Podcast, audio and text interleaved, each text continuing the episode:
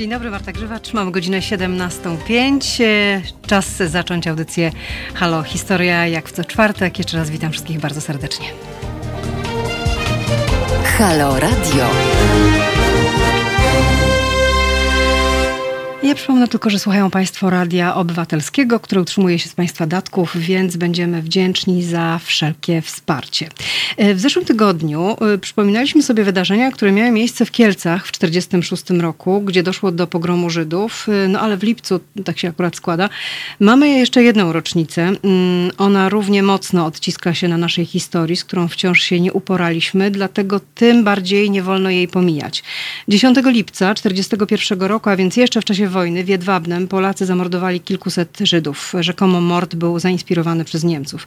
Pisał o tym w książce Sąsiedzi Jan Gross, a potem jego śladem, odkrywając nowe ścieżki zresztą, podążyła reporterka Anna Bikont. I owocem jej czteroletniej pracy była wielokrotnie nagradzana książka My z Jedwabnego. Anna Bikont jest dzisiaj naszym gościem. Dzień dobry.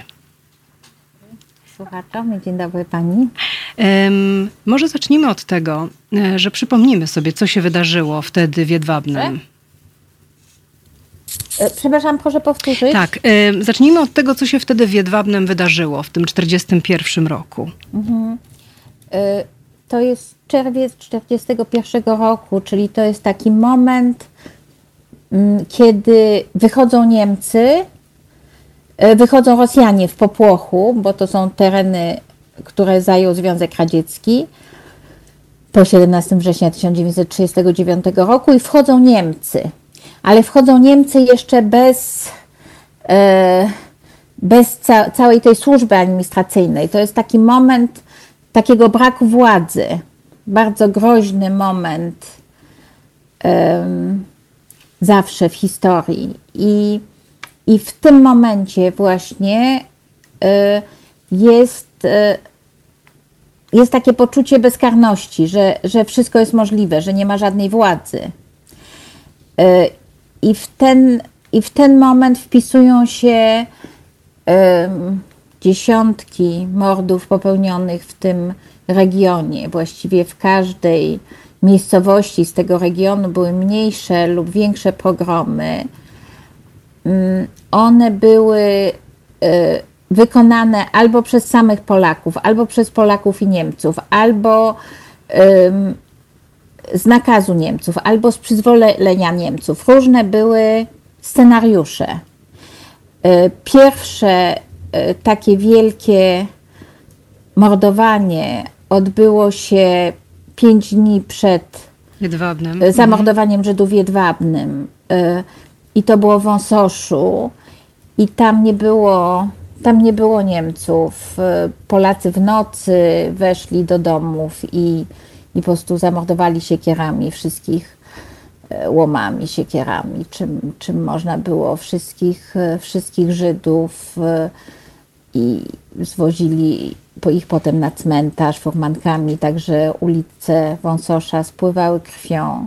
Następny był Radziłów, gdzie, gdzie też zamordowano y, wszystkich Żydów, część z nich spalono w stodole y, i i to był mord, który nastąpił za takim e, więcej niż pozwoleniem Niemców, za wyraźną zachętą Niemców, jakby, zorganizowa- jakby pewnym stopniem zorganizowania przez Niemców, którzy dali broń, którzy tym kierowali. A potem to już się tak rozkręciło, że w Jedwabnym już się szykują, jakby wiedzą, że w Radziłowie zamordowali, przejęli te domy i tak dalej. I już w Jedwabnym się szykują do tego, do tego mordu i już jak się wydaje ten udział Niemców tutaj jest, jest bardzo mały. E, No właśnie, bo tam jest taki moment, gdzie em, mieszkańcy, którzy wiedzą, tak jak pani mówi, co się szykuje, oni nie, niektórzy nie wychodzą z domów, prawda? Oni się zamykają w swoich domach, czyli jakby mają świadomość tego, co się za chwilę wydarzy. Tak, to wiadomo, no bo o 5 rano już jeżdżą, je, jadą furmanki z okolic, także już jest to hasło, że jedzie się mordować, mordować Żydów. Je, jadą z kłonicami, z takimi gumami, takimi od wozów, którymi, którymi bito Żydów właśnie z siekierami. Także to się, to stwierdził prokurator Radosław Ignatiew, który się tym zajmował z ramienia Instytutu Pamięci Narodowej, że on to potwierdził na podstawie bardzo wnikliwych badań i przesłuchań, które prowadził, że oni już jechali po to, żeby zamordować Żydów. E, I odbywa się, na, na początku odbywa się takie wyciąganie Żydów z domów. Oni muszą się zgromadzić na rynku. I ten rynek jest taki pokryty kostką brukową, i tam rosną takie trawki między tą kostką brukową, i Żydzi są zmuszeni przez cały dzień właściwie do wyrywania tej trawy, do, do jakby czyszczenia, prawda? To jest taki niemiecki obraz tego Żyda, który został już jakoś tak szybko przyswojony, że ten Żyd jest taki brudny i coś musi czyścić, żeby był trochę mniej sam. Mhm. Wyrywają tą trawkę, a potem? Sam brudny wyrywają tą trawkę i to jest upał, także tam kobiety mdleją w ciąży, dzieci mdleją, nie pozwalają jest taki szpaler wokół, wokół Żydów złożony z mieszkańców Jedwabnego, także nie można im podać wody. E, o tyle wiadomo, można powiedzieć, że było to dobrowolne, że właśnie część mieszkańców miasta nie chciała w tym brać udziału i albo właśnie e, jeden z tacy państwo Michałowscy, którzy mieszkali na rynku, to po prostu wyszli z rynku wcześnie rano i poszli do rodziny na ten dzień, ale byli ludzie, którzy w tym nie uczestniczyli i nikt z nich nie był represjonowany. Po to, żeby ci ludzie byli bardziej bezbronni, zabierają oddzielnie grupę młodych mężczyzn, około 40 osób, także zostają na tym rynku już głównie właśnie kobiety, dzieci, to, mm, to były rodziny wielodzietne, tam często było czwórka, ósemka dzieci, także, także te kobiety są z, z babcią, z dziadkiem chorym, właśnie z tą z tą masą dzieci płaczących są na tym rynku, a tych młodych mężczyzn i starego rabina zabierają obok, na taki mniejszy plac, który jest obok i gdzie y, Sowieci postawili sta, statuetkę, le, taką pomnik Lenina i każą im to rozwalić i, i robią takie, takie przedstawienie, że, że oni muszą chodzić z tymi kawałkami tego pomnika Lenina, coś śpiewać upokarzają ich przed zamordowaniem ich, po czym ich biorą tą grupę tych młodych ludzi do stodoły, prowadzą ich, która jest za miastem i tam mordują ich pojedynczo już w tej, w tej stodole, czy wchodząc do stodoły, nie znamy dokładnie przebiegu tego, tego mordu, który się stał w środku w stodole i mordują siekierami już tą grupę tych młodych ludzi.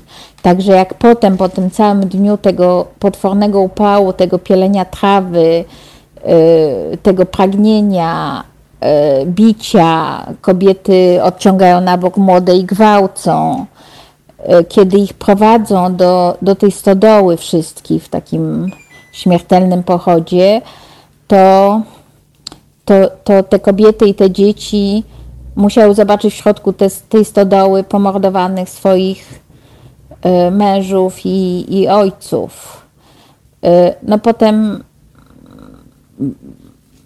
sąsiedzi podpalają tą stodołę i społeczność y, jedwabnego żydowska ginie w płomieniach. Ile osób brało w tym udział? To bardzo to trudno powiedzieć, dlatego że tak. Y,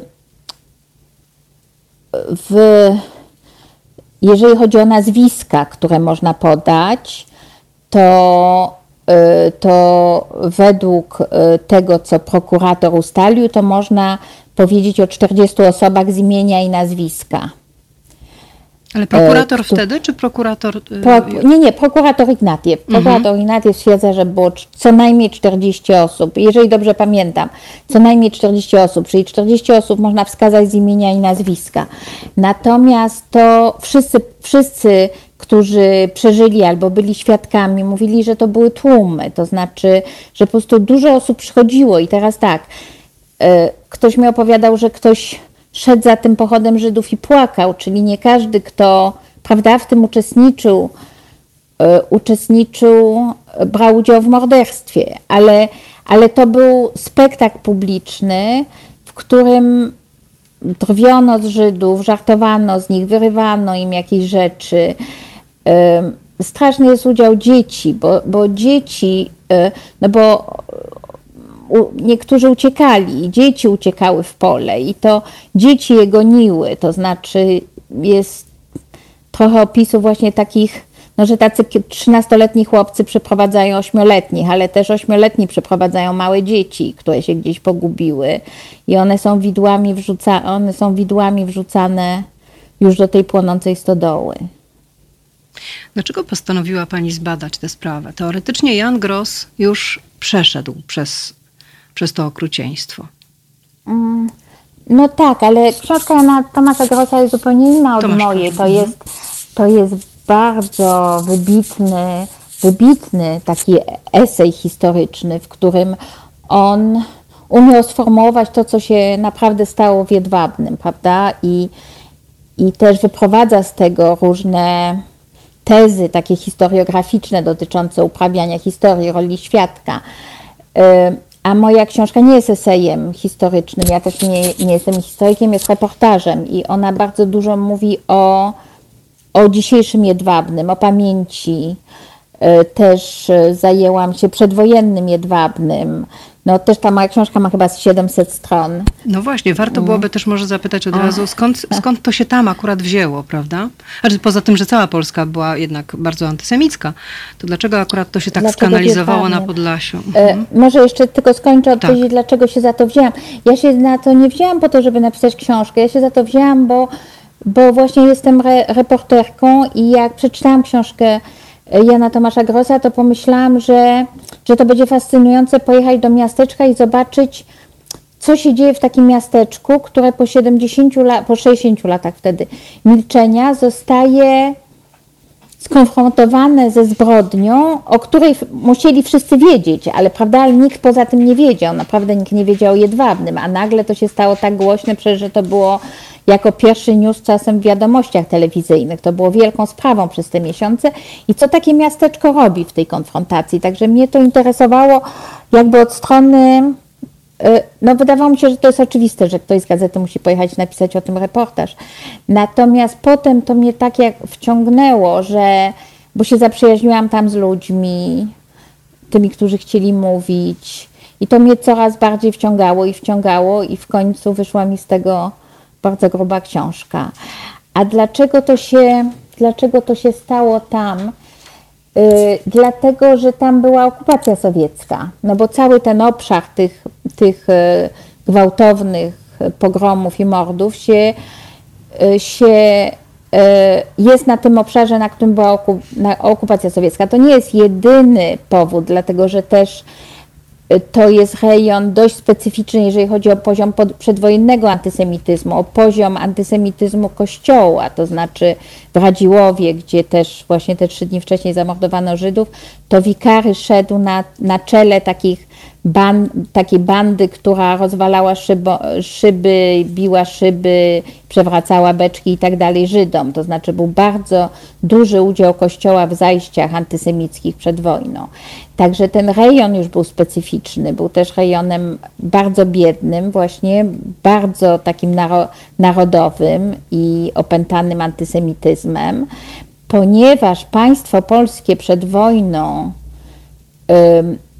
nie było, nie było państwem, które e, deklarowało, deklarowało antysemityzm i walczyło nie, niezbyt intensywnie, ale jednak walczyło z, z, z ludźmi, którzy urządzali pogromy, to w związku z tym zmieniono, nie mówiono, że na przykład jak się robiły wiece w Jedwabnym, taki wiec przed wojną w Jedwabnym, który zgromadził 5 tysięcy ludzi, nie mówiono, że to jest wiec antyżydowski, bo to było zabronione, tylko że to jest wiec antykomunistyczny.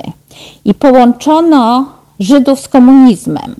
Także jak przyszła okupacja sowiecka, to Żydzi i komunizm dla mieszkańców Jedwabnego to było jedno, choć tak jak można powiedzieć, że komunizowali Żydzi w jakichś w miastach w Polsce, to naprawdę na tej wsi E, na, w takich małych miasteczkach, gdzie Żydzi byli, byli religijni, mieli te małe warsztaty i tak dalej, tam w ogóle komunistów to było, no w Jedwabnym to było pięciu. No ale było naprawdę na lekarstwo, to nie był...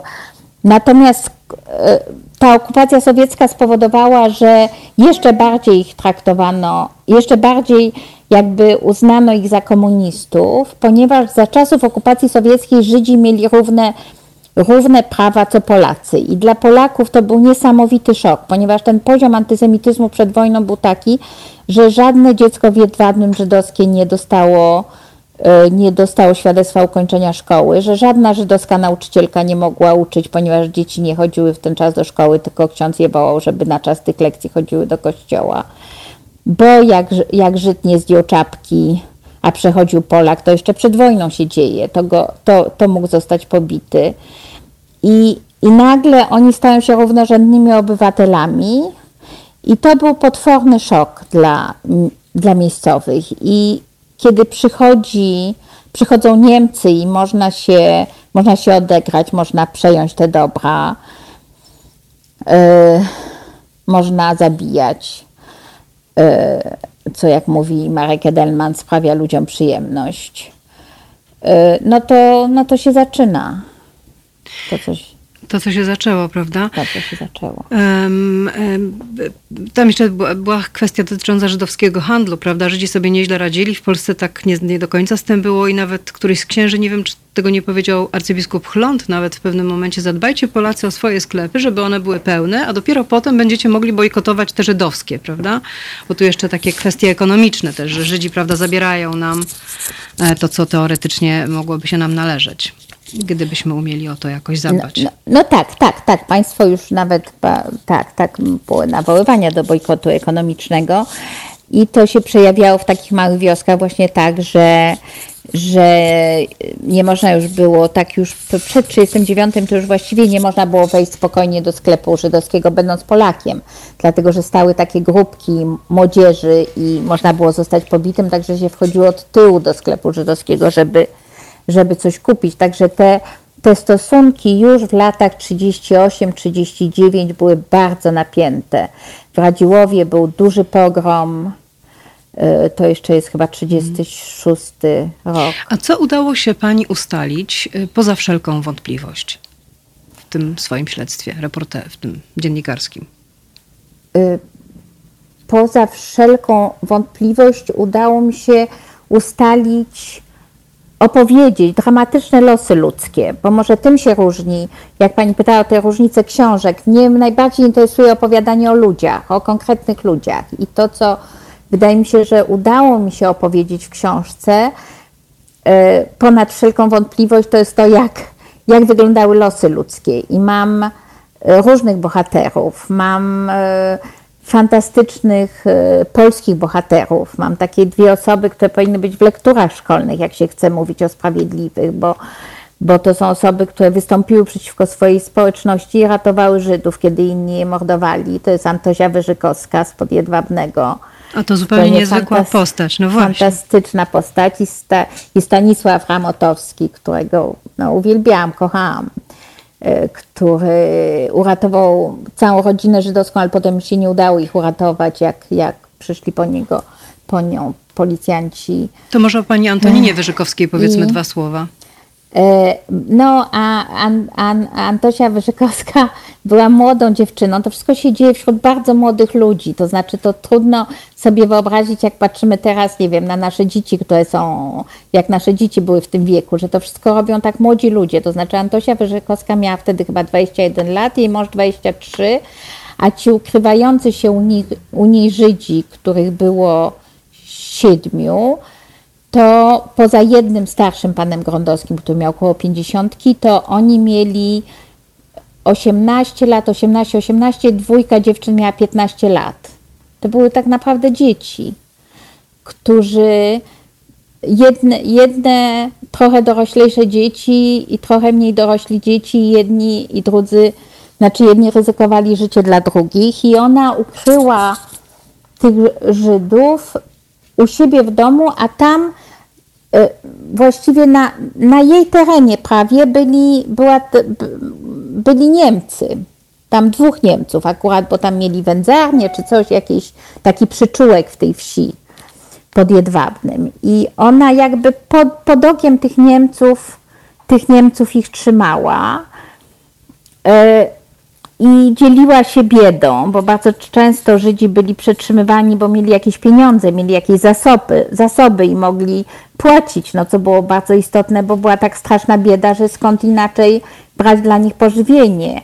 A oni dzielili się swoją straszną biedą, to byli bardzo biedni ludzie wyżykowscy, z tą, z tą całą siódemką. Też niesamowite jest, że im się to w ogóle udało, prawda? Bo przecież oni tego nie, nie robili przez miesiąc czy dwa, prawda? Tylko dłużej. Tak, to było chyba dwa i pół roku.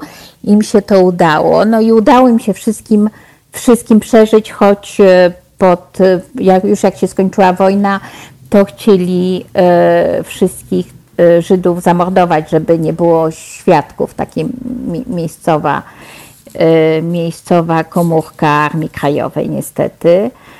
E, I, e, I to się nie udało też dzięki, no, dzięki Wyżykowskim, dzięki ich, ich dzielności. Pobito bardzo ciężko panią Antosię i ojca pani Antosi i ona potem już całe życie właściwie się ukrywała, bo ona pojechała do Bielska, tam też ci mordercy ją znaleźli, zaczęli ją straszyć, wyjechała z, wyjechała pod Warszawę i właściwie z takiej pozycji osoby, która miała jakiś dobytek, jakieś swoje własne miejsce na ziemi i tak dalej, stała się osobą, która e, no, sprzątała po domach, tam była też sprzątaczką w szkole, ale głównie, um, głównie po domach i tak nie bardzo miała swoje, swoje miejsce. Czyli ona nie zapłaciła, nie, nie zapłaciła za to najwyższej ceny, ale wysoką bardzo no, zapłaciła za to bardzo wysoką cenę, jaką jest ostracy ze środowiska. To znaczy, to ją kompletnie wyalienowało, yy, wyalienowało. Jak większość sprawiedliwych w Polsce, bo ja to często badam, że, że jakby yy, po wojnie, yy, po wojnie mordercy mieli, wodzili prym w miasteczkach, to znaczy ich nikt nie rozliczał, a przecież wszyscy wiedzieli. Natomiast sprawiedliwi mieli bardzo ciężko. Sprawiedliwi z reguły byli ostracyzowani. Prosili, żeby nie podawać, że ukrywali Żydów. Wypuszczali często przed, jak się tylko kończyła wojna, mówili Żydom, uciekajcie w nocy i nigdy nie, mu, nie mówcie, że u mnie, że u mnie byliście. A dzisiaj, no właśnie, a dzisiaj jak, jak, to jest z tymi ludźmi dzisiaj? Bo, bo ja zakładam, że pani wyjeżdżając tam, bo to nie była jedna podróż, no, musiała zakładać, że będzie bardzo ciężko, prawda, żeby dotrzeć do świadków, żeby ich otworzyć, żeby oni zechcieli w ogóle mówić. Albo, no właśnie, jak, jak to było? No tak, tak. Nie wiem, czy bym, y, bo to było 20 lat temu, tak? 2000 rok, tak.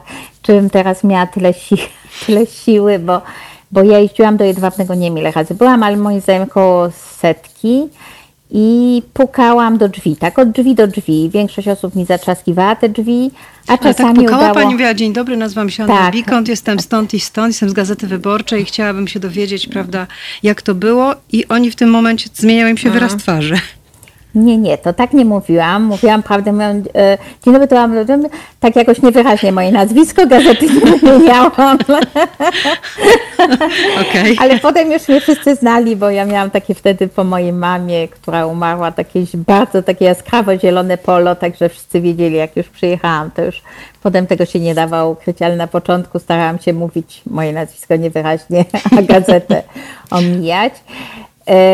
No i, i miałam jakieś swoje sposoby. Na przykład bardzo szybko zobaczyłam, że bardzo ważne jest nie zadawanie pytań, co jest bardzo trudne, bo jakoś zawsze mi się wydawało, że moją największą umiejętnością było zadawanie pytań. Ja najbardziej uwielbiałam robić wywiady w gazecie, a że pytania zamykają, bo są pytania są traktowane jako oskarżenie, ale że jeżeli tak postawię postawię nogę w drzwiach i powiem, o właśnie, bo ja tutaj się zajmuję właśnie sprawą jedwabnego, bo wie pan, bo to jest takie głośne i ja właśnie udało mi się znaleźć materiały z sądu z 50 roku i wie pan, że pana sąsiad właśnie zeznawał, no to każdego interesuje, co sąsiad mówił. Aha, czyli takim no. podstępem trochę ich pani No, podstępem. Trochę tak. I, mhm. trochę tak.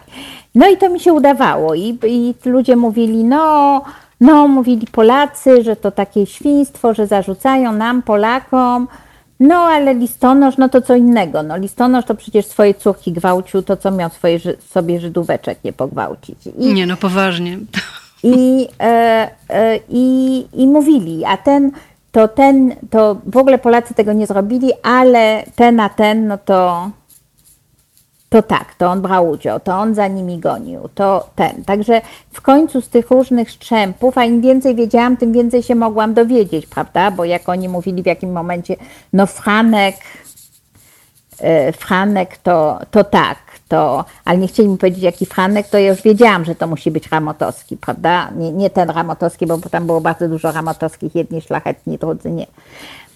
Także Także potem już byłam w stanie taką, mieć taką mapę, która też mi pozwalała jakby się zorientować, ale miałam kilka osób takich zaufanych i życzliwych, które mi, które mi pomagały. Mm. I też, które za to zapłaciły, y, zapłaciły wysoką, wysoką cenę. Taka nadzwyczajna pani Popiołkowa, którą rodzina po prostu pobiła i zamknęła na klucz jedna jeszcze, jedna pani, której grożono, że jej, ksiądz jej groził, że nie pochowa jej na cmentarzu katolickim. Um, Właśnie no, jaka jest dzisiaj rola Kościoła w zakłamywaniu historii Jedwabnego na tamtych terenach? Y, no, Kościół całkowicie, można powiedzieć, zakłamuje, zakłamuje historię na tych terenach, nie bierze odpowiedzialności, znaczy, bo przecież jest ciągłość Kościoła polskiego, jakby to nie zostało nie zostało przerwane, nie bierze odpowiedzialności za to, co się stało, nie odcina się od tego. No, za moich czasów ten biskup, biskup Łomżyński był tak jawnym, nie, nie wiem co się teraz dzieje w tej okolicy, był tak jawnym antysemitą yy, i yy, także to było, to było dla mnie niesamo, to było dla mnie potworny szok ten kościół, bo yy, bo ja nigdy nie miałam, jedyne co miałam do czynienia z Kościołem w swoim życiu, to w czasie Solidarności i bardzo, kiedy w podziemiu wspierał, wspierał nasz Kościół i różni księża byli nam bardzo życzliwi. E, I to, co zobaczyłam, ten Kościół w Łomżyńskim, to dla mnie to był niesamowity szok. Oczywiście potem jak się naczytałam już wszystkiego, co Kościół wyprawiał przed wojną, to nie, to zrozumiałam, że, że tutaj ta ciągłość została zachowana. Ale to był. Mhm, czyli rozumiem, że ani Kościół, ani ludzie, z którymi pani rozmawiała, to jest też pytanie od słuchacza, czy nie mieli poczucia winy? Spotkałam się z jednym takim człowiekiem, który się, się jakby miał, miał taki problem. Jego ojciec, jego ojciec brał udział i on, nie, i on nie chciał wierzyć, ale się dopytywał, ale szukał. A czy to był ten Jan e, Skrocki? E, nie, nie, to nie, mówię nie. o Jedwabnym, a o Radziłowie, tak, Radziłowie był. Mhm. a o Radziłowie, tak, a o Radziłowie, no to to, to to była taka właśnie trzecia nadzwyczajna postać koło, obok Antosi Wyżykowskiej i Stanisława Ramotowskiego, taki sprawiedliwy dnia dzisiejszego, czyli syn jednego z morderców, który postawił sobie jakby za cel życiowy, żeby jeździć ze mną wszędzie i wyjaśnić wszystko, co się stało i się konfrontować z tym, co jego, jego ojciec zrobił. To jest jakaś nieprawdopodobna odwaga. Czyli on do pani zadzwonił, prawda? Zadzwonił chyba do gazety on, w pewnym on momencie. On zadzwonił do gazety mhm. i powiedział, ja, ja to widziałem, bo on mieszkał na rynku, był ma, malutkim chłopcem, ja to widziałem, ja wiem, co się działo. Czyli możemy w zasadzie na palcach jednej ręki policzyć te osoby, które czuły się jakoś współodpowiedzialne za winy swoich przodków. Y, tak, możemy policzyć na palcach jednej ręki.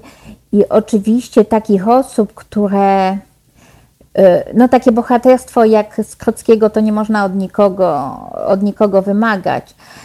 Y, natomiast to, że nie było żadnego wysiłku szkoły,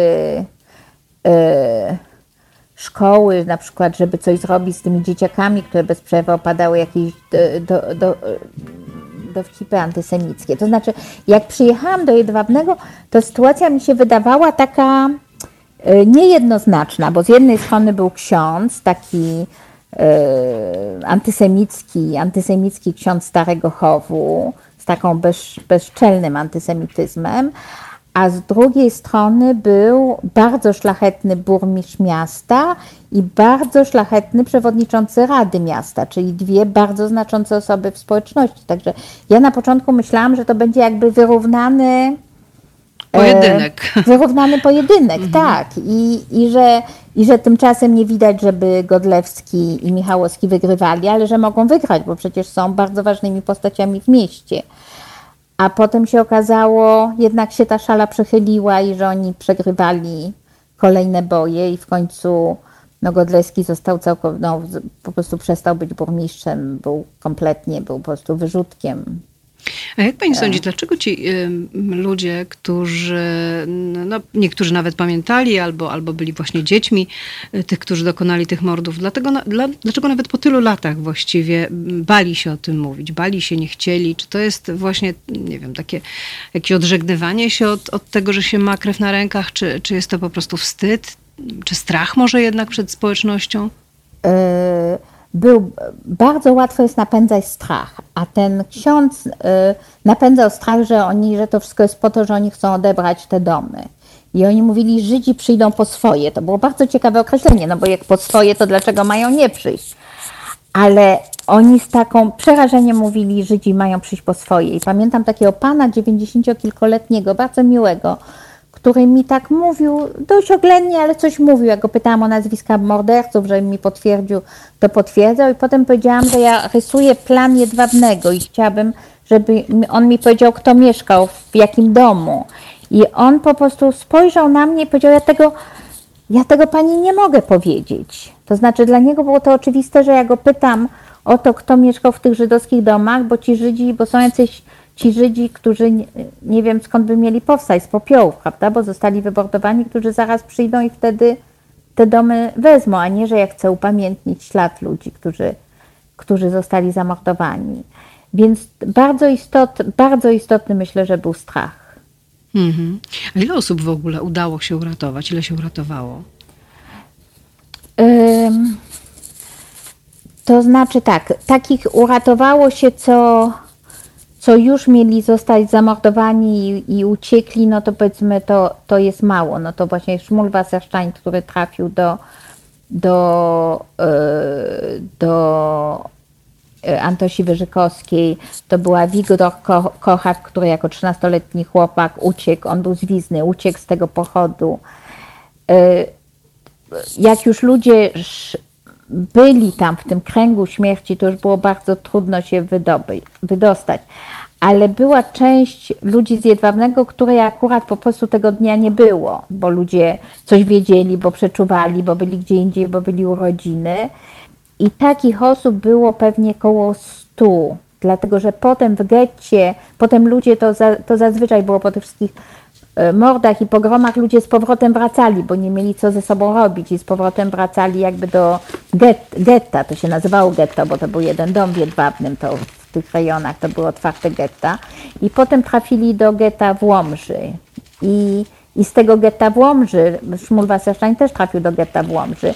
I potem już jak likwidowano getto w Łomży, czyli później, to już jest październik 1942 roku, oni trafili właśnie do ci do Antosi Wyrzykowskiej, ci z, ci z Łomży, mm, czyli y, no tak, no to może mm. razem. A, a, ile osób no. właściwie poniosło za to karę? Bo y, pani chyba nawet spotkała się z tymi, którzy zdążyli już wyjść. Z mordercami, tak. tak.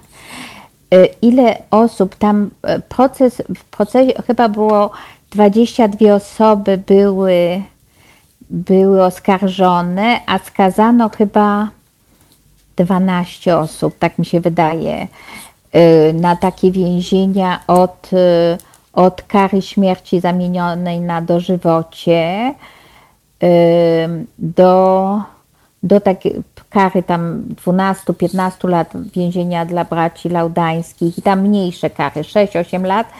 I tak w, w czasie odwilży Wszystkich wypuszczono, poza tym, który dostał karę śmierci zamienioną na dożywocie, który umarł w więzieniu. I pani miała okazję z tymi braćmi laudańskimi się spotkać. Jak w ogóle do tego doszło? Y jeden z braci laudańskich napisał taki list do Adama Michnika, mojego szefa w Gazecie Wyborczej, z pogróżkami takimi, że jak wy będziecie nam pisać, to my to my napiszemy, co Żydzi robili. E, I tam był jego adres e, na tym liście. E, on mieszkał w Piszu i, i ja zadzwoniłam i oni, i oni zgodzili się, wszyscy ci trzej bracia zgodzili się ze mną spotkać. Mieli takie poczucie, myślę, że że to nie było, y, że to było przemyślane, że to było przemyślane, że oni uważali, że, że ten, że ten jej głos, przepraszam, bo ktoś, ktoś do mnie puka, bardzo dziwne, że ten jej głos będzie, przepraszam bardzo. Dzień dobry. Dzień dobry, przepraszam, ja mam teraz wywiad. To my... Tak, może nie, za chwilkę poczekamy sobie sekundę na, na, na naszą rozmówczynię. Ja tylko właśnie pomnę, przypomnę Państwu, że rozmawiam z panią Anną Bikont, e, dziennikarką i reporterką Gazety Wyborczej, która napisała książkę My z Jedwabnego. To był reportaż, cztery lata potężnej pracy badawczej opisujący wydarzenia, które miały miejsce w Jedwabnem w lipcu 1941 roku. No i mam nadzieję, że zaraz uda nam się do tej rozmowy wrócić. Książka była zresztą wielokrotnie nagradzana, a rozmawiamy w tej chwili o tym, że autorce tej książki udało się dotrzeć do dwóch morderców. Braci było trzech, jeden z nich nie brał udziału w tym, co się wydarzyło w Jedwabnem, dwóch z nich tak. No i jesteśmy w momencie, kiedy, przerwałyśmy w momencie, kiedy pani Anna Bikont właśnie mówiła o tym, że z tymi dwoma braćmi udało jej się porozmawiać. Czy się słyszymy? E, tak, tak, tak, tak, tak. To znaczy dwóch braci zostało skazanych, trzeci tak. brat to jest, nie, jest niejasne. W każdym razie z nimi trzema się spotkałam. Oni byli osobami bardzo zadowolonymi z życia. Oni mieli poczucie, że oni wygrali. To znaczy mieli wi, takie bardzo ładne wille, e, wykształcone dzieci. Dzieci wiedziały e... o tym, co zrobili ojcowie? E no oni uważali, to znaczy w ich, w ich takim e, w ich takim widzeniu to była taka, oni jednocześnie zaprzeczali, a co pewien czas mówili, gdzie trwa, e, gdzie drzewo robią, tam trwa, tam wióry lecą. Wióry lecą. Czyli tak mówili, że tak i że nie, ale że, nie, że Niemcy im kazali. No tak, to było właśnie niejasne. Oni się tak przyznawali i nie przyznawali. Ale, ale że racja generalnie po ich stronie była, tak? W zasadzie. Ale że racja, była, że racja była po ich stronie, tak, tak, tak. I że i oni. I oni wiedzieli, że mają na to, że mają na to publiczność. Znaczy, że, bo potem się ukazał taki, taki tekst o nich w Rzeczpospolitej napisany przez pracownika jeszcze Muzeum, Muzeum Auschwitz, który wychwalał tego Laudańskiego, bo ten Laudański siedział potem, był chwilę potem w Auschwitz. E, I za co on e, chwalał Laudańskiego? E, no, że taki patriota polski, że, taki patri że, że atakuje się patriotów polskich, którzy siedzieli w Auschwitz. E, był wielki tekst Rzeczpospolitej w, w obronie braci laudańskich. Także oni wypłynęli na tej, na tej, na tej fali i, i, i tak no tak mrożyli oko, że oni mordowali. No tak, i oni mówili, że przecież Żydzi, prawda, to, to, to było samo zło, bo oni w tym UB, tak. prawda, po tej wojnie, że właściwie o co tak, chodzi. Mhm. Tak. Także i cała ta narracja, która była o tym, że prawda, że to ci Żydzi, znaczy przecież tam zamordowano jakieś dziesiątki, dziesiątki małych dzieci. I potem cała ta narracja pod tytułem, że oni jakby że tutaj chodzi o to, że Żydzi byli ubekami po wojnie. Znaczy, przecież i ta narracja została przyjęta przez dużą część społeczeństwa. Także gdzieś, jak się patrzy na to, co się dzieje dzisiaj, jaka jest narracja, to można powiedzieć, że, że w, w, wygrali bracia laudańscy. E, myśli Pani, że, bo e, teraz chciałam nawiązać do tego wydarzenia, które miało miejsce bezpośrednio przed Pani przyjazdem tam, a czy bezpośrednio może nie, ale mniej więcej rok, kiedy doszło do podpalenia człowieka również w Jedwabnem. I ludzie tak. zrobili to, ludzie zrobili to, źle to brzmi, ale dla kawału. No, kawał, tak. Tak, Czy myśli Pani, że dziedziczymy, że dziedziczymy też nie tylko traumę, bo to jest jasne, ale dziedziczymy też okrucieństwo po naszych przodkach? Tak, myślę, że, że dziedziczymy okrucieństwo i że to, że właśnie takiego, e, bo ten człowiek, którego podpalono, bardzo przypominał te dzieci żydowskie, znaczy takie zupełnie bezbronny i nie wiedzący, dlaczego mu się dzieje krzywda. To tak, bo to był taki dziwak często trochę, występują prawda? tacy, taki, taki dziwak, dziwak, tak. Trochę upośledzony, dziwak, znaczy trochę właśnie nierozumiejący tego świata wokół i właśnie podpalono go dla kawału. Bardzo serdecznie Pani dziękuję. A jeszcze tylko zanim, to zapytam e, właśnie, bo miałam to ostatnie pytanie sobie zostawić na koniec. Jak bardzo niebezpieczna jest dzisiejsza sytuacja, bo taki czy inny wróg, prawda, to rozgrzewanie tej atmosfery za każdym razem prowadzi do tego samego. Tak by się mogło wydawać. Yy, tak, wydaje mi się, że, że to jest igranie z ogniem, takie podsycanie Y, niechęci y, do obcego i, i że w dzisiejszej Polsce to nie Żydzi są zagrożeni, no ale, ale że nigdy nie wiadomo, czy nagle jak się coś rozkręca, czy nagle to, to nie wybuchnie taką spiralą, spiralą nienawiści. To może być przeciwko ludziom LGTB, no nie wiadomo przeciwko komu czy to, co się teraz dzieje, prawda, że, że biją jakichś ludzi, którzy nie mają, yy, nie mają białego koloru skóry na, na, na ulicy. A powiedzmy jeszcze tylko, z jakim jest... odbiorem spotkała się ta pani książka? Czy, czy rzeczywiście ludzie powiedzieli, o super, że to napisałaś, bo rzeczywiście teraz jeszcze więcej prawdy do nas trafia, jeszcze bardziej, a czy, czy właściwie miała pani jakieś problemy z,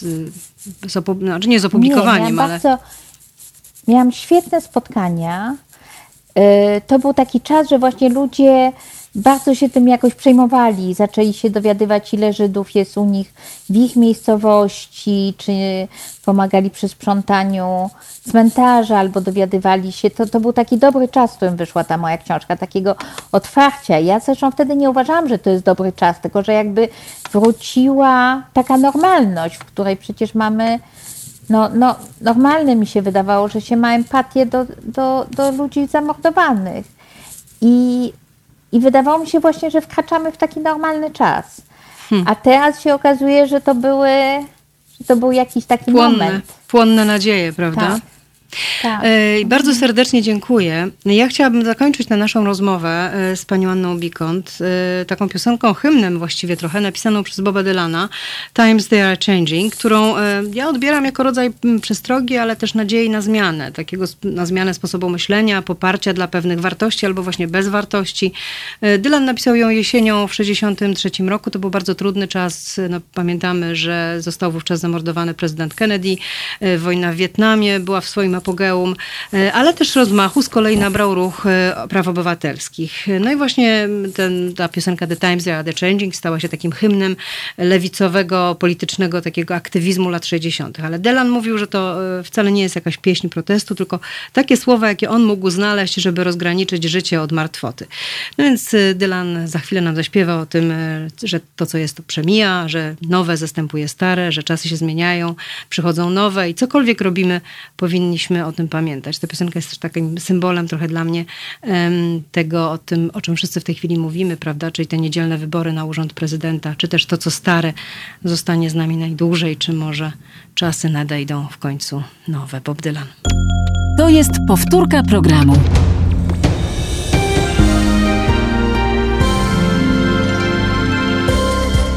Halo Radio. Pierwsze medium obywatelskie.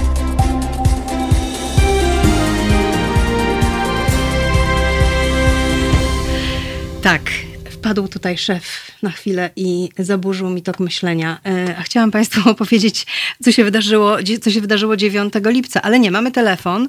To może telefon najpierw w takim razie. Halo, halo. Dzień dobry. A, dzień dobry Pani Marto. Dzień dobry. Miło mi. Pierwszy raz się y, kontaktujemy na tej linii. Ja przeważnie do, do Pana Wojtka. Także jaka... Cieszę się, że tym razem do mnie.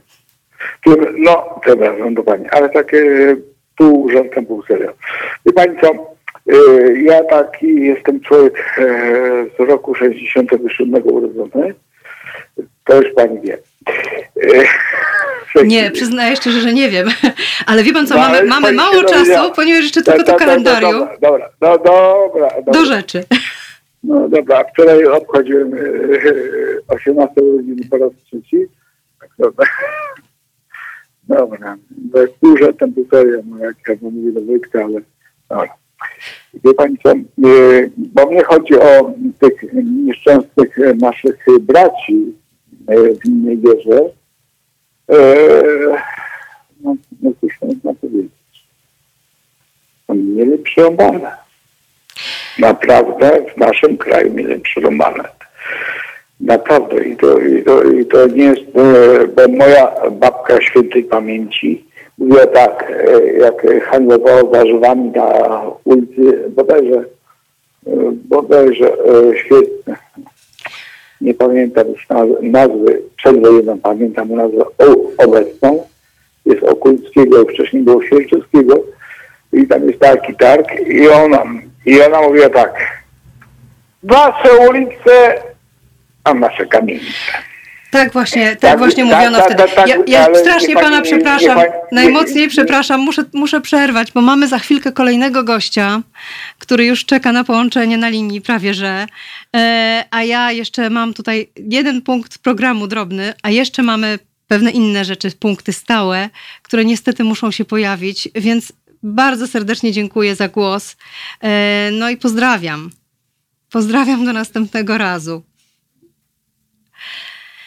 E, proszę Państwa, ja wrócę teraz tylko na sekundkę do tego kalendarium jeszcze, bo tutaj parę ciekawych rzeczy dla Państwa wypisałam. W 410 roku, 9 lipca, trwała już Wielka Wojna z zakonem krzyżackim. E, Król Władysław II Jagiełło wraz z całym wojskiem przekroczył granicę krzyżacką koło Lidzbarka, no a wojna skończyła się 6 dni później. Władysław Jagiełło i wielki książę litewski Witold zwyciężyli, jak Państwo wiedzą. Na wieży Zygmuntowskiej Katedry Wawelskiej został zawieszony dzwon Zygmunt.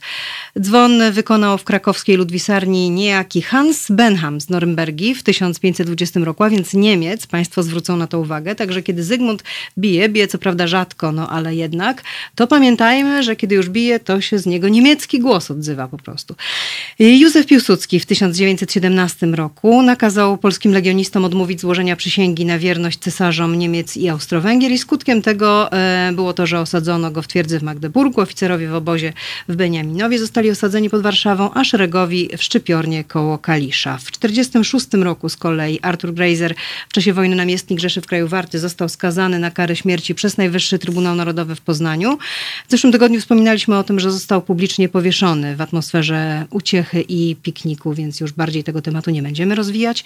A w 1947 roku premier Józef Cerankiewicz odrzucił e, pod naciskiem radzieckim zaproszenie dla polskiej delegacji na międzynarodową konferencję w Paryżu w sprawie przyjęcia planu Marszala. Plan Marszala zakładał pomoc dla gospodarek dotkniętych wojną. Chodziło o to, żeby nie dopuścić do rozprzestrzeniania się komunizmu. Polska stanęła po stronie Związku Radzieckiego, wiadomo, no i za radą Stalina wprowadziła gospodarkę centralnie planowaną. Jak się to skończyło, też wiemy. W 80 roku Czesław Lang wygrał 37 konkurs Tour de Pologne, a w 89 z trzydniową oficjalną wizytą przybył do Polski prezydent Stanów Zjednoczonych George Bush i w czasie pobytu w Polsce zachęcał Polaków do dalszego podążania za marzeniami o lepszym życiu i do wytrwałości. Zapewnił zgromadzonych pod pomnikiem ofiar grudnia 70, że nie dziś i nie jutro, ale na pewno jeszcze za swego życia ujrzą nową Polskę, czego i nam oczywiście też życzę na najbliższe lata. Słuchajcie powtórki programu.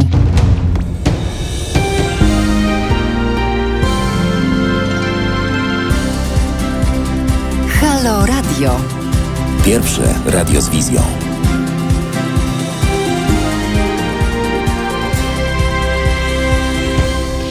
Halo Historia powraca. Marta Grzywacz, dzień dobry raz jeszcze wszystkim tym, którzy do nas nie dołączyli wcześniej. Um, chciałam tylko powiedzieć, że oczywiście tak, że, że słuchają Państwo Radia Obywatelskiego, że prosimy o wsparcie w każdy możliwy sposób. Bardzo serdecznie za to wsparcie dziękujemy.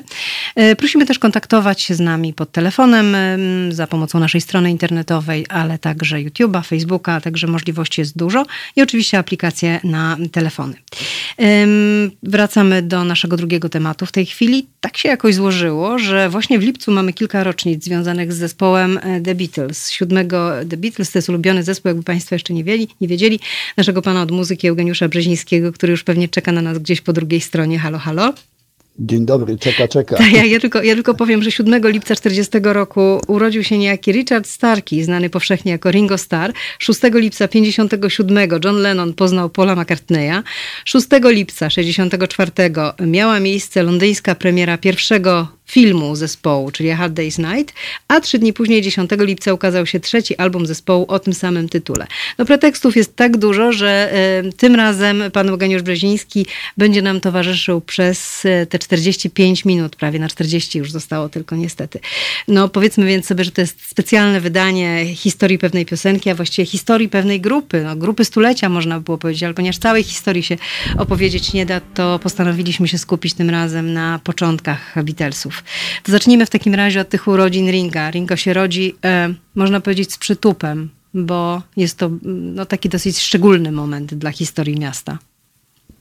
No, pani już wszystko powiedziała, pani Marto. Ja nie wiem, od czego teraz mam zacząć. No to od tego Ringa zacznijmy. Zróbmy w ten sposób, żeby zamieńmy tę historię jednej piosenki na historię jednej płyty, a przy okazji na historię jednego filmu.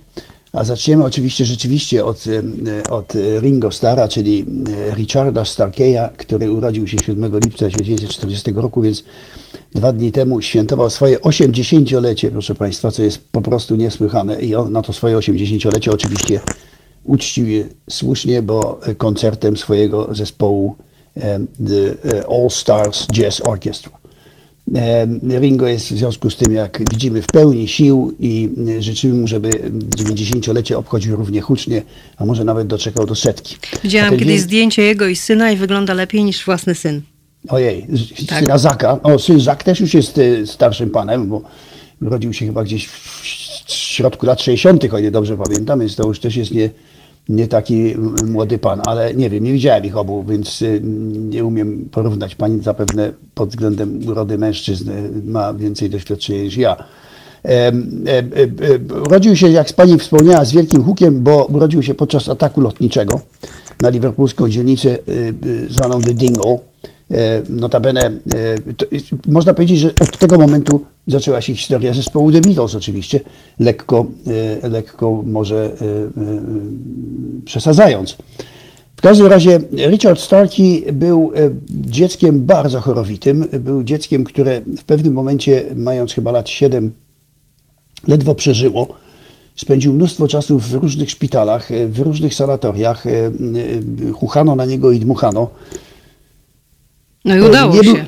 No udało się, udało się przeżyć, ale nie udało się skończyć żadnej szkoły. Ringo Starr e, przy całym swoim, e, przy całej swojej wrodzonej inteligencji i tym takim wspaniałym wygadaniu e, nigdy nie skończył żadnej szkoły, bo niestety nie był e, w stanie jej skończyć. Po prostu ze względu na choroby ciągle musiał przerywać edukację. Ale miał zamiłowanie do muzyki i z tą muzyką był od, właściwie od bardzo wcześniej, bardzo wcze- wcze- młodego wieku związany i, i, i, i, rodzice kupili mu perkusję i on na tej perkusji, na, na tej perkusji się wyżywał. E, Do tego stopnia, że był e, powiedzmy w końcu lat 50. e, takim najbardziej chyba znanym i uznanym perkusistą w Liverpoolu. Występował na, stale, na stałe w zespole Rolling Storm and the Hurricanes i tam właśnie był, był uważany za, oprócz samego Rory Storma, który był wokalistą, to on był, Ringo był właśnie takim, takim żelaznym e, członkiem zespołu. Jak już Pani powiedziała, 6 lipca, czyli 3 dni temu, w 57 roku, e, Paul przez, przez, e, przez przyjaciela swojego i Johna Lennona został na jakimś party przedstawiony właśnie Johnowi. Nie wywarł na nim specjalnego wrażenia, znaczy Paul na Johnie. E, John już wtedy próbował grać w takim swoim skiflowym zespole, który się nazywał The Quarrymen, bo chodził do szkoły, która się nazywała The Quarry. Poznali się i dopiero jak Paul pokazał, że gra na, Paul jak pokazał, że gra na gitarze fantastyczne kawałki z głowy zresztą Karla Perkinsa i Chucka Berego i tych wszystkich wspaniałych amerykańskich rolowców, to to zrobiło na, na e, Johnie e, wystarczające wrażenie, żeby zaprosił go do wzięcia udziału w tym e, zespole właśnie, w tej grupie The Quarrymen. E, Paul grał wtedy zresztą tylko na gitarze, nie na basie. e, e, To, to, to przyszło znacznie później. A czy to nie był ten czas, kiedy oni mieli użyczone takie miejsce, jakąś taką piwniczkę niewielką, w której e, grali swoje pierwsze utwory?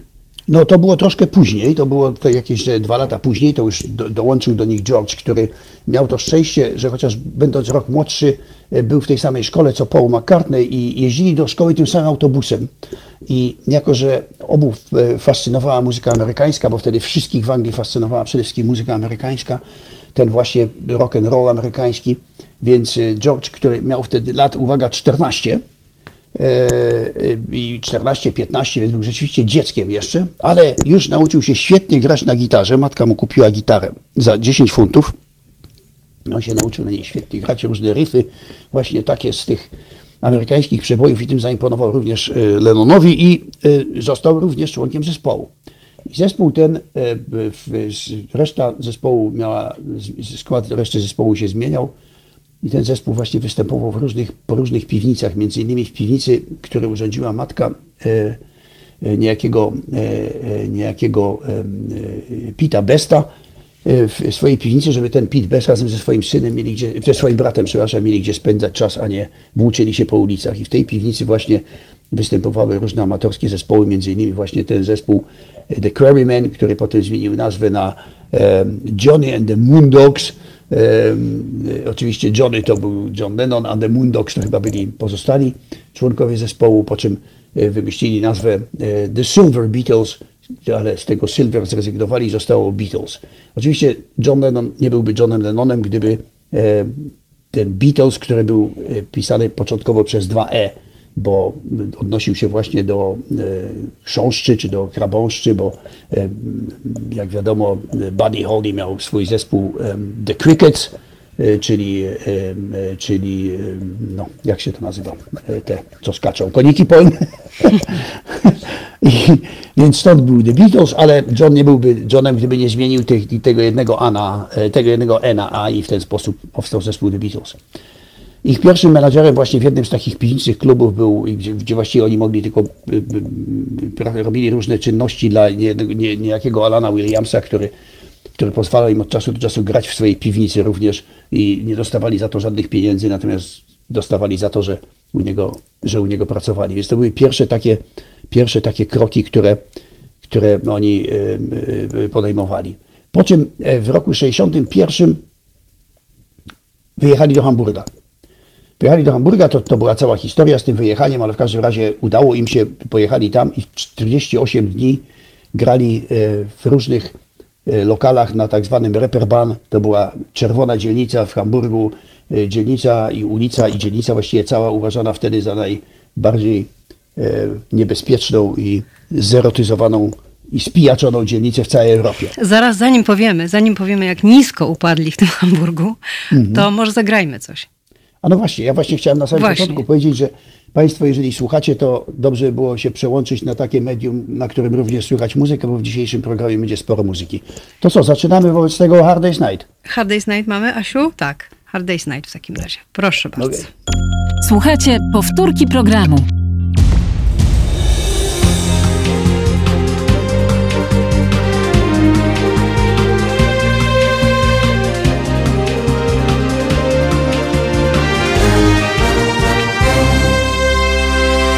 Wracamy do rozmowy z panem od muzyki Eugeniuszem Brzezińskim.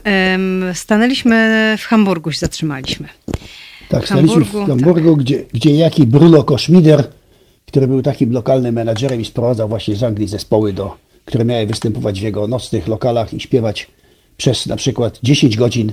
Dwa zespoły śpiewały na zmianę po pół godziny, po 45 minut, przez 10 godzin non-stop do, dla pijanych marynarzy, prostytutek, i e, całego tego, e, tego typu elementu. Więc była to oczywiście straszna rzecz. Beatlesi nie mieli przede wszystkim takiego repertuaru, żeby tyle śpiewać, więc w tamtym czasie, bo mieli trochę swoich piosenek, no i trochę tych piosenek amerykańskich, ale jako, że, że czuli wstręt do tego, żeby powtarzać e, w ciągu jednego programu te same piosenki, więc rozciągali je w nieskończoność, wyczyniali różne dziwne rzeczy na scenie, ale i wszystko to było praktycznie za żadne pieniądze, ale jednak te, te pobyty w Hamburgu, a byli w sumie trzy razy, spowodowały, że niesamowicie się zgrali. Niesamowicie się zgrali. E, wyczuwali się zresztą fantastycznie od samego początku. E, grał z nimi jeszcze niejaki e, Stu Sutcliffe, który miał wzmacniać, więc dlatego dołączył do zespołu. i grał na gitarze basowej, bo ktoś musiał, ale grał podobno bardzo średnio. No i właśnie Pete Best, o którym już wspomnieliśmy, który grał na perkusji. Ehm, Stu Sutcliffe grał z nimi tylko za pierwszym razem, potem się zakochał e, w pięknej dziewczynie Astrid Kirchner, którą, e, którą przyprowadził e, niejaki Klaus Forman, to też znane nazwisko, który później występował z Beatlesami solo, przede wszystkim basista niemiecki i artysta, który parę lat później zaprojektował okładkę rewolwera. Astrid Kirchner, może warto powiedzieć dwa słowa, to jest osoba, która właściwie ubrała Beatlesów i właściwie była autorką tych ich pierwszych fantastycznych czarno-białych zdjęć, które potem w tym samym stylu na drugim albumie Beatlesów With the Beatles sfotografował to co prawda ktoś inny, ale to właśnie był ten styl, który Astrid Kirchner zaproponowała. Można powiedzieć w pewnym sensie, że ich stworzyła, prawda? Tak, nie, tak, nie tak. Wizerunek z całą pewnością. Mhm. Ten wizerunek, ten pierwszy wizerunek z całą pewnością. Astrid Kirchner zakochała się bez pamięci, mimo że była dziewczyną Klausa Formana, zakochała się bez pamięci właśnie w Sutcliffe'ie. Sutcliffe został, wyszedł właściwie, odszedł z zespołu i wtedy Paul McCartney zaczął grać na gitarze basowej. Ten zespół, który już był wtedy zespołem The Beatles, to właściwie, właśnie wracając do ringa, to właściwie mówiło się, że był to John, Paul, George i perkusista. Że dopiero jak Ringo, a Ringo, Ringa poznali to właśnie też w Hamburgu, bo zespół The Rory Storm and the Hurricane występowali również w którymś hamburskich klubów. W ten sposób poznali Ringa, zaprzyjaźnili się z nim, ale oczywiście nie było wtedy jeszcze mowy o tym, żeby Ringo mógł grać z nimi ale poznali już jego umiejętności i bardzo zazdrościli właśnie tamtemu zespołowi Ringa jako perkusisty, bo Pete Best przy całym swoim zaangażowaniu i przede wszystkim był podobno najpiękniejszym, najprzystojniejszym w zespole, więc w Liverpoolu wszystkie dziewczyny za nim szalały, ale perkusistą był podobno dosyć, dosyć marnym, co zresztą za chwilę wyjdzie na, na jaw. A jak właściwie plas, plasowała się ich pozycja wtedy w Liverpoolu? Bo tych zespołów takich jak oni to było chyba sporo, prawda? Tak, więc to był tak zwany Mersey, Mersey Beat, który wtedy powstał w, wokół Liverpoolu i w Liverpoolu samym. I właściwie w początkach lat 60. takich zespołów jak oni było podobno 125, jak ktoś policzył. Więc można sobie wyobrazić, że wszystkie kluby i wszystkie kawiarnie i wszystkie puby i bary były chyba wypełnione takimi zespołami. No właśnie, które... zawsze wtedy powstaje pytanie, co się stało takiego, prawda, że akurat oni?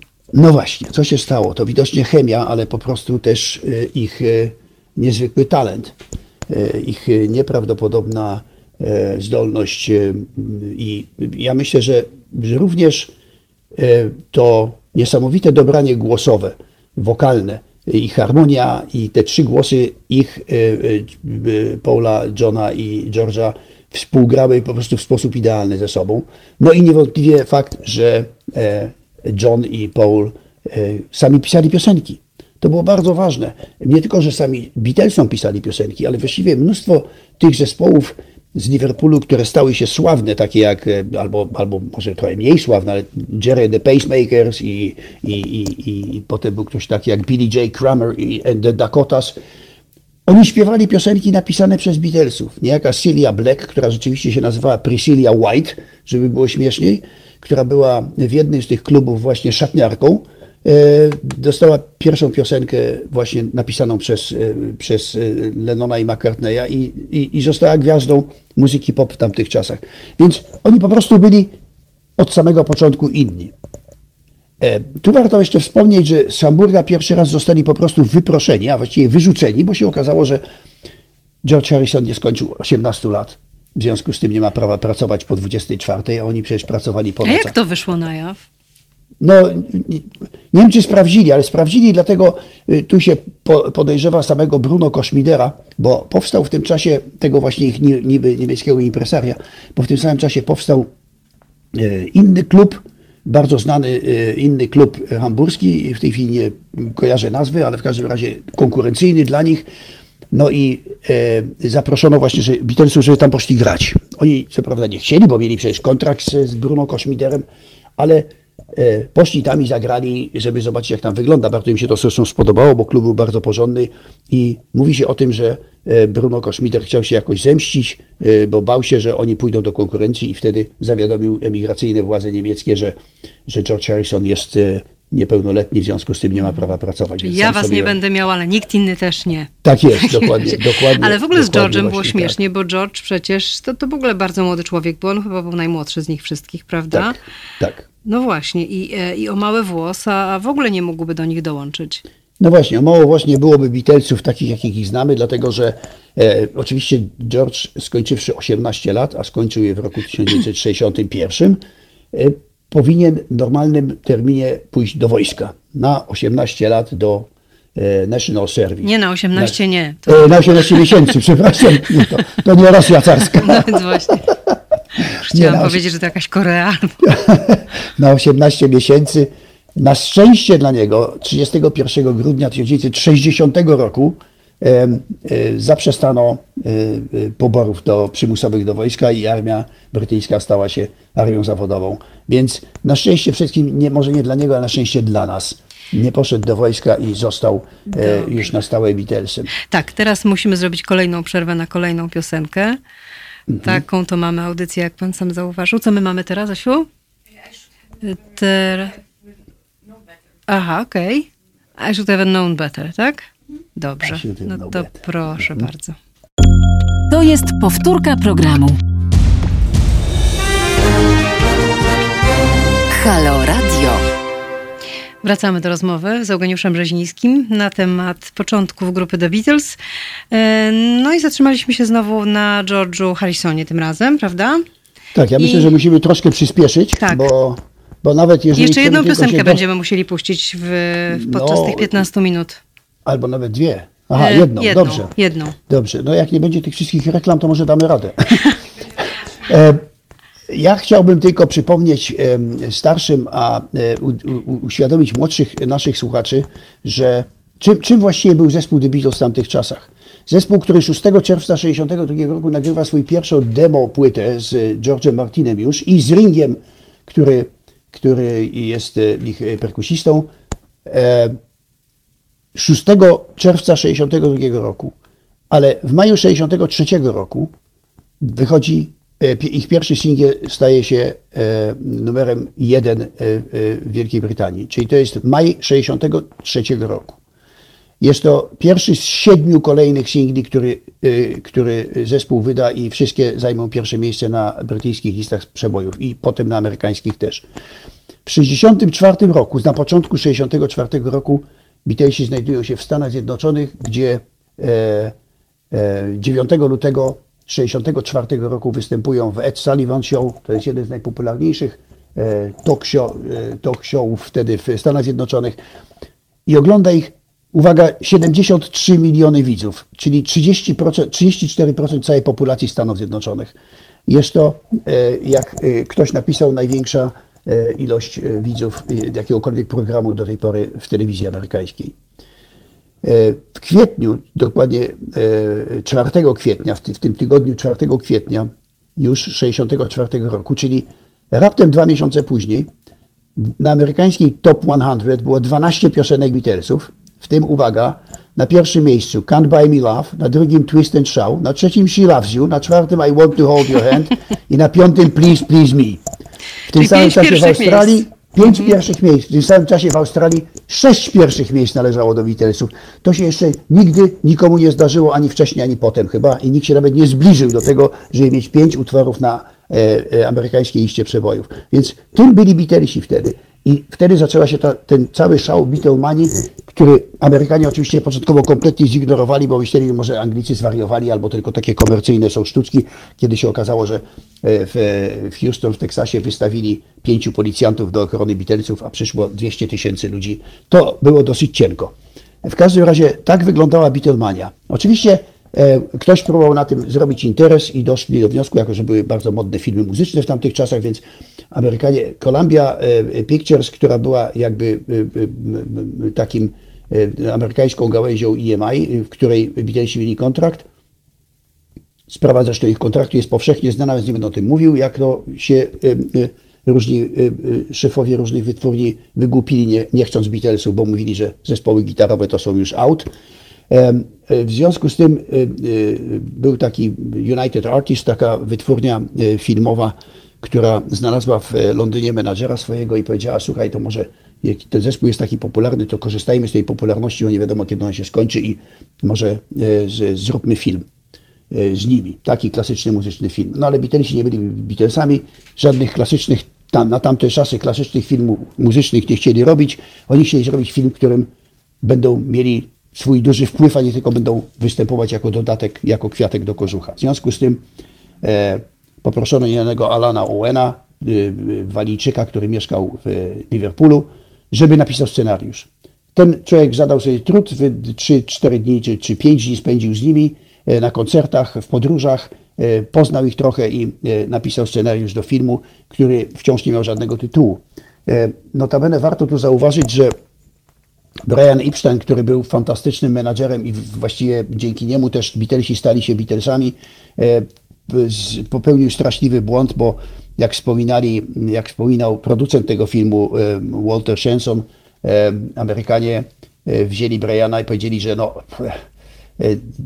25% e, e, zysków z filmu raczej no, mniej się nie da dać niż 25%, ale więcej nie będą dawać. Brian Epstein zgodził się na to, żeby Beatlesi dostali pensję właściwie za, za, za wykonanie tego filmu, za, za udział w tym filmie w wysokości 25 tysięcy dolarów i, e, i e, a, a sam Brian Epstein e, w swoich negocjacjach powiedział, że e, no proszę panów, ja absolutnie nie zejdę poniżej 7,5%. W związku z tym niestety Beatlesi stracili strasznie dużo pieniędzy, bo film, który został nakręcony w przeciągu e, siedmiu tygodni. E, został nakręcony przy bardzo niskim budżecie, bo Amerykanie wychodzili z założenia, że trzeba się bardzo spieszyć, nie ma co dawać pieniędzy, bo i tak stracimy na tym filmie. E, musimy, przede wszystkim musimy mieć płytę z muzyką z tego filmu, bo na płycie zarobimy to, co stracimy na filmie. Film kosztował w sumie 200 tysięcy funtów, czyli około pół miliona dolarów co w tamtych czasach było bardzo mało, a teraz to już w ogóle nie ma o czym mówić, ale e, zebrał ponad 100 milionów zysku. I jeszcze, jeszcze powiedzmy sobie króciutko o premierze tego filmu, bo ja tu bym chciała zrobić przerwę, a potem jeszcze opowiedzieć o Pana doświadczeniach w związku z tym filmem. okay. Dobrze? Dobra, to teraz tak, to piosenka. to teraz nie, nie piosenka jeszcze, Jeszcze tylko nie? powiedzmy sobie króciutko Dobrze. o premierze tego filmu jeszcze, bo, bo Dobrze. ona też dosyć była taka, prawda, uroczysta, z królową i tak dalej, z siostrą królowej, filmu, może tak. Uroczysta premiera filmu odbyła się 6 lipca 1964 roku, więc dopiero co, w londyńskim Pavilion Theatre i była obecna księżna Margaret i jej mąż Lord Snowdon. Przed e, kinem były ogromne tłumy. E, Film spotkał się z entuzjastycznym przyjęciem widowni. E, Para, para książęca e, była najwidoczniej też zadowolona, e, bo kiedy zastanawiano się, co zrobić, bo po, przy, po, tym, po premierze było przyjęcie oczywiście i nie wiadomo było co zrobić, bo para książęca miała inne zobowiązania. Y, Wiadomo było, że musi się po premierze zaraz wynieść i gdzieś tam indziej jechać, no ale wypadało ją chociaż może zaprosić na drinka, więc uzgodnili to z Beatlesami. Ktoś poszedł, zaprosił y, y, księżnę Margaret na, na, na, na, chociaż na drinka przed pójściem na to ich, y, ich y, przyjęcie, na które mieli iść. Więc oni przyszli i tak im się to spodobało, że wcale nie chcieli wyjść. I, I wypili jednego drinka i drugiego drinka i stali i rozmawiali po kolei ze wszystkimi i w pewnym momencie e, George Harrison podszedł do, e, do właśnie do producenta e, filmu i mówi, słuchaj, ja jestem strasznie głodny, kurczę, kiedy zaczniemy jeść? A ten mówi, no zaczniemy jeść dopiero jak para książęca nas opuści, bo teraz nie możemy wyjść jeść. Więc po jakimś czasie, e, kiedy, kiedy para książęca wciąż nie wychodziła, George Harrison podszedł do księżny i powiedział, że jest zaszczycony ich obecnością tutaj, ale jest straszliwie głodny, a właśnie usłyszał, że nie może, nie może iść jeść, dopóki, Dopóki oni nie są. wyjdą. Tak, dopóki oni są, więc para książęca serdecznie przeprosiła i wyszła. Proszę Państwa, to jeżeli Państwo chcą coś zjeść, to teraz jest świetny moment, ewentualnie czegoś się napić, bo właśnie musimy e, tutaj p- puścić różne inne rzeczy, niekoniecznie naszą rozmowę, także teraz jest na to czas i wracamy za 5 minut. Słuchajcie powtórki programu.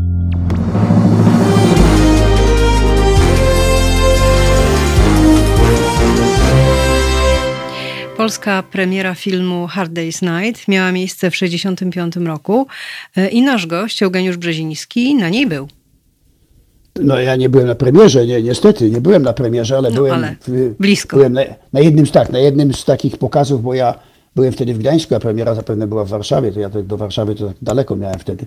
E, Byłem w Gdańsku i byłem, byłem e, młodym człowiekiem w, w wieku szkolnym i od razu chyba w ciągu dwóch tygodni trzy razy byłem w kinie na tym filmie, bo oczywiście dla nas to była to było, to było coś niewyobrażalnego. Słuchajcie, nie było MTV, nie było internetu, nie było, by, był, był, był system tak zwanego realnego komunizmu e, e, czy socjalizmu, epoka Gomułki, szaro, e, smutno, a jednak taki film trafił na polskie ekrany i to bardzo szybko, w 65 roku, na przykład taki, y, tak, na takich Węgrzech był dopiero w 68.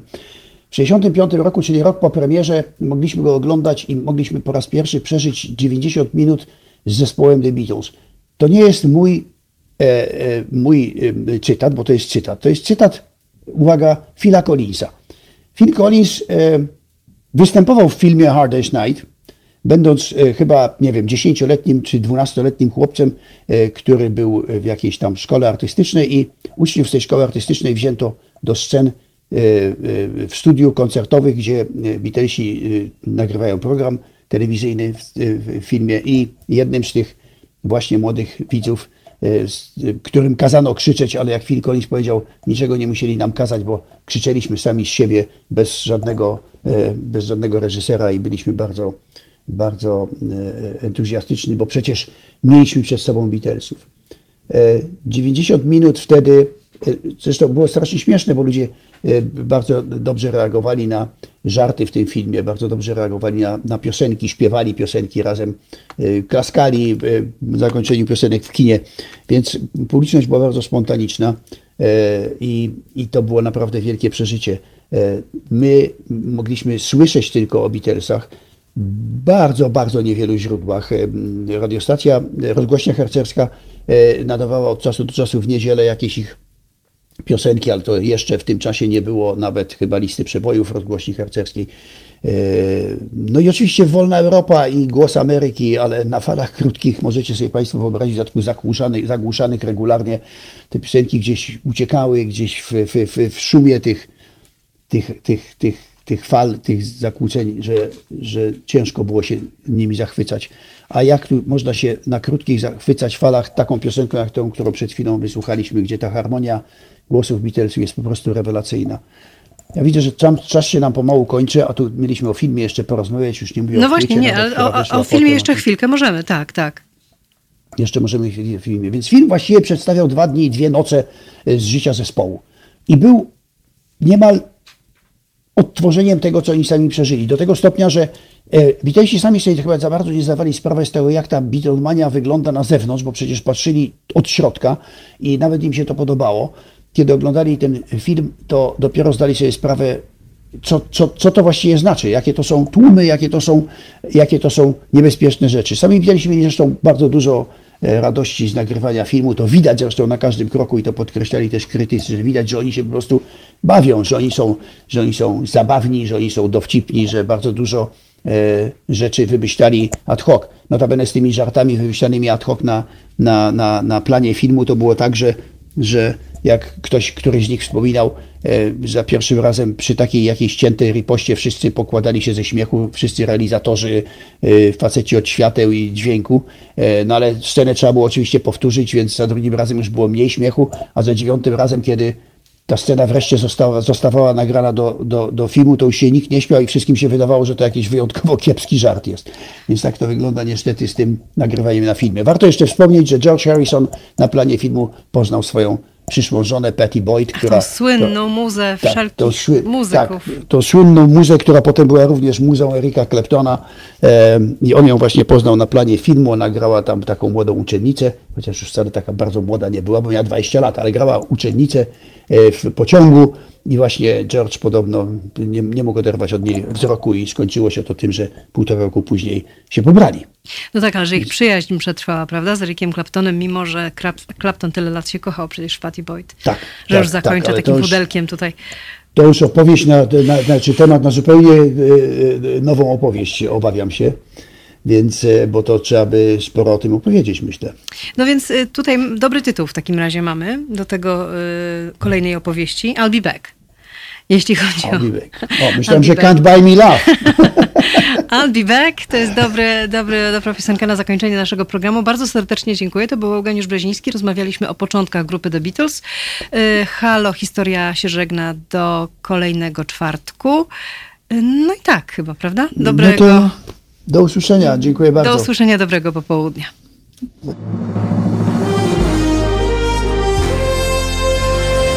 To proste.